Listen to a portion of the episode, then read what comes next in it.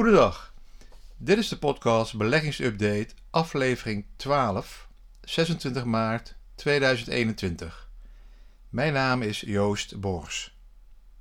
In 15 minuten neem ik de week door met al het relevante beleggings- en economisch nieuws. Deze week is het de week dat precies een jaar geleden het dieptepunt werd bereikt van de corona-beursdip, die wereldwijd voor alle beurzen gold. En dat de start van het herstel werd ingezet. Als je naar die historie kijkt, is er na zo'n daling het eerste jaar een fors herstel, maar ook het tweede jaar een positieve beurs. Met zo nu en dan een daling, maar per saldo een hoger einde. Dus op basis van die historie, het verleden kent uh, geen garantie, zou 2021 een positief jaar kunnen zijn. Het was weer een rommelige beursweek. Door iets meer rust in de obligatiemarkt zag je meteen het begin van de week een herstel bij de technologie en de groeiaandelen. Coronanieuws en invloed lijkt nu langzamerhand weg te zakken en in plaats daarvan focust iedereen zich op de tienjaarsrente en de inflatie. Er is altijd wel een nieuwsitem waar beleggers zich zorgen om maken en wat een tijdelijke dip kan veroorzaken op de aandelenmarkt. Daar moet je nou maar eenmaal mee leren leven. Aandelen zijn daarom ook risicovoller dan sommige andere beleggingscategorieën. Maar ja, daarvoor verwacht je ook een hoger rendement. Een risicoopslag. Het beleggen is, blijf ik altijd zeggen, ook een lange termijn visie hebben en een doelstelling. Nou, de Fed, de Amerikaanse centrale bank, gaf verleden week de obligatiemarkt eigenlijk precies wat ze wilde. Zo lang mogelijk namelijk de rente laag houden. Helaas lijkt de obligatiemarkt niet zo blij met deze uitspraken van de centrale bank. Dat zag je ook al aan de stijging van de rente. Dit kan dan ook weer, weer slecht nieuws zijn voor de aandelenmarkt. Want stijgende rentes zijn negatief voor de groei en technologiewaarden. En volgens sommige analisten zijn er daarnaast nog maar weinig of geen goedkope sectoren op de beurs aanwezig. rente en aandelen zijn dan ook vaak communicerende vaten. Hoewel het nieuws in eerste instantie alles lijkt te zijn wat de aandelenmarkt wil horen, is het geen goed nieuws. In feite was er heel weinig dat de Fed op 17 maart kon doen om zowel de aandelen als de obligatiemarkt te behagen. De Fed koos ervoor om de aandelenmarkt te sussen. Maar aandelenkoersen zijn afgeleid van de rente en naarmate de rente stijgt, moeten de aandelenkoersen opnieuw worden geprijsd. Het probleem is dat de wereldbeurzen nu ten opzichte van de 10-jaarsrente een waardering hebben die relatief gezien volledig geprijsd zijn op een niveau waar geen tegenvallers of slecht nieuws bij past. Dus de eerste kwartaalcijfers van de bedrijven moeten dan ook dit niveau bevestigen.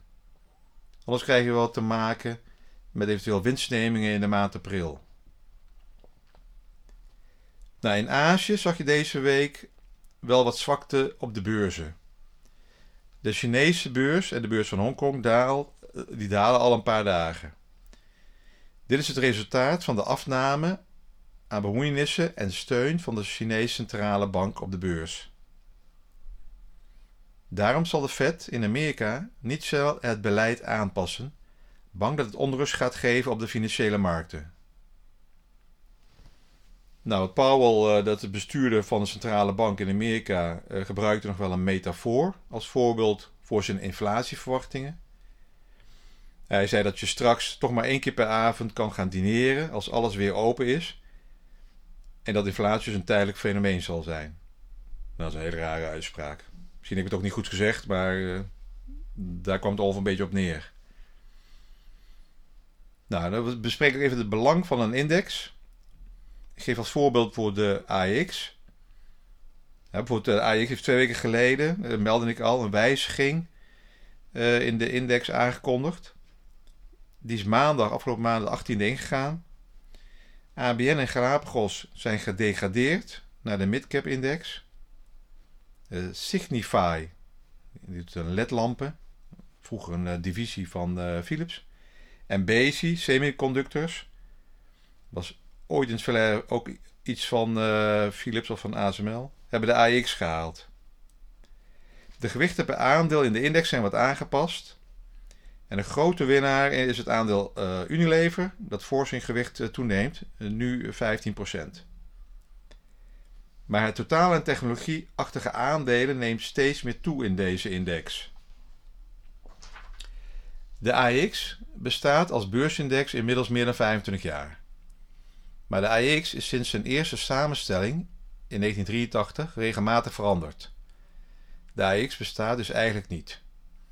Wie de ontwikkeling van de beurs in de tijd afmeet aan de beurs, moet dus niet vergeten dat vele bedrijven van wel eer niet meer bestaan of zijn overgenomen. Dat neemt niet weg dat de AEX zeer belangrijk is. Van dag op dag kunt u zien wat de beurs doet. Bovendien zijn veel beleggingsproducten gebaseerd op de ontwikkeling van de AEX of andere beursindices in de wereld. Denk aan de vele producten waarmee je bijvoorbeeld extra pensioen opbouwt of een beleggingshypotheek. Die zijn allemaal gebaseerd op een uh, index. Voor veel meer financiële producten, bijvoorbeeld opties, turbo's, gestructureerde producten met een hoofdsomgarantie uh, en pensioenfondsen en, en uh, om vermogens te vergelijken, worden naast de AX ook andere indexen ofwel benchmarks gebruikt. Voorbeelden zijn de MSCI, World Index. Dat wordt veel gebruikt door pensioenfondsen. De S&P 500 en de e-box voor obligaties. bij beleggen wordt een eh, index of benchmark gebruikt om te bepalen of een fonds of beleggingsportefeuille goed presteert. Vaak wordt een beursindex gebruikt als benchmark. Banken en vermogensbeheerders gebruiken een benchmark om eigen prestaties te kunnen vergelijken en hiermee de klanten te informeren. En basis van een benchmark is ook om een model beleggingsportefeuille mee op te bouwen. Dan kan je gewoon elke keer zien hoeveel is de weging van een uh, aantal sectoren in een index en hoe ziet onze modelportefeuille eruit. Gaan we iets meer in een bepaalde sector of iets minder in een andere sector. Dus een, uh, een index gebruiken ze om vaak een model vermogensbeheerportefeuille mee op te bouwen. Ze willen niet te veel afwijken van een uh, index. Ja, nu zijn er wereldwijd wel duizenden benchmarks en of indexen. Dus kijk goed uit welke er gebruikt wordt en dat dit consequent over een bepaalde periode is en niet maandelijks of kwartaalbasis uh, wisselt, naar gelang het de beheerder of adviseur uitkomt. Dan wordt het niet echt uh, objectief, maar meer een marketingverhaal. Kijken welke benchmark gebruikt kan worden om een passend verhaal te kunnen maken. Deze maand was het ook wel weer de week van de vrouw, ofwel Internationale Vrouwendag, zo rond 8 maart. Nu zijn er een aantal studies waaruit blijkt dat vrouwelijke beleggers het op langere termijn beter doen dan de mannen. Op jaarbasis kan dit wel een verschil van 1 tot 1,5% rendement uitmaken. En vrouwen plannen beter en hebben hun emoties meer onder controle. Daarnaast handelen ze gemiddeld ook minder dan mannen. Te veel muteren leidt vaak niet tot succes. Het aantal vrouwelijke beleggers neemt nu ook steeds meer toe. Zeker omdat iedereen bezig is zijn eigen pensioen op te bouwen, voor de uh, ZZP'ers. Dan zie je dat steeds meer uh, vrouwen vermogen, ofwel kwartaalbasis of direct storten in uh, pensioenbeleggingsproducten. nou, over vrouwen en beleggings fondsen en uh, portefeuille gesproken. Nou, de beste belegger in Amerika vorig jaar is dan ook een vrouw, namelijk Katie Wood. Ze is 65 jaar, maar al jaren bezig. Haar beleggingsfondsen vertegenwoordigen vandaag een bedrag van circa 50 miljard. En zeker de laatste twee, drie jaar is de groei enorm uh, groot. Katie Wood is de oprichter en stratege van ARK Invest, ARK Invest. Hieronder zitten verschillende beleggingsfondsen en ETF's. Het beste fonds haalde vorig jaar een rendement van circa 150%. Zij belegt veelal in bedrijven die innovatief en disruptief bezig zijn in een sector en hiermee de concurrentie voorbij streven. Lief, lief, ook nog een liefhebster van uh, Tesla en van crypto, cryptocurrencies. Ja, volgens mij jammer, genoeg kan je in Nederland nog niet in haar fondsen direct beleggen. Maar dat moet je maar even uitzoeken bij uh, bank of adviseur. Wel uh, kan je, als je, als je googelt, naar huidige top 60 aandelen opvragen. Nou, een overzicht hiervan. Hier zitten bijvoorbeeld Tesla bij, Zoom, Pinterest, Nintendo, PayPal, uh, Tencent, Shopify en Spotify. En ook nog een aantal farmabedrijven. Nou, Katie Wood is controversieel en heel uitgesproken. Maar op dit moment benadert ze nu wel de status van popster.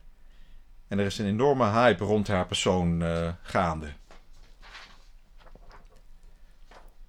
Als je in Nederland vrouwelijke eh, beleggers en schrijfsters wilt volgen, die op een deskundige, toegankelijke wijze uitleg geven over vermogensopbouw, geldzaken en beleggen, dan kan ik uh, er twee uh, aanbevelen. Dat is Janneke Willemsen blondjesbeleggendbeter.nl en de site van uh, Adine lekkerleven met minder.nl. Nou, daar krijg je informatie over vermogensopbouw, beleggingstips en financiële planning.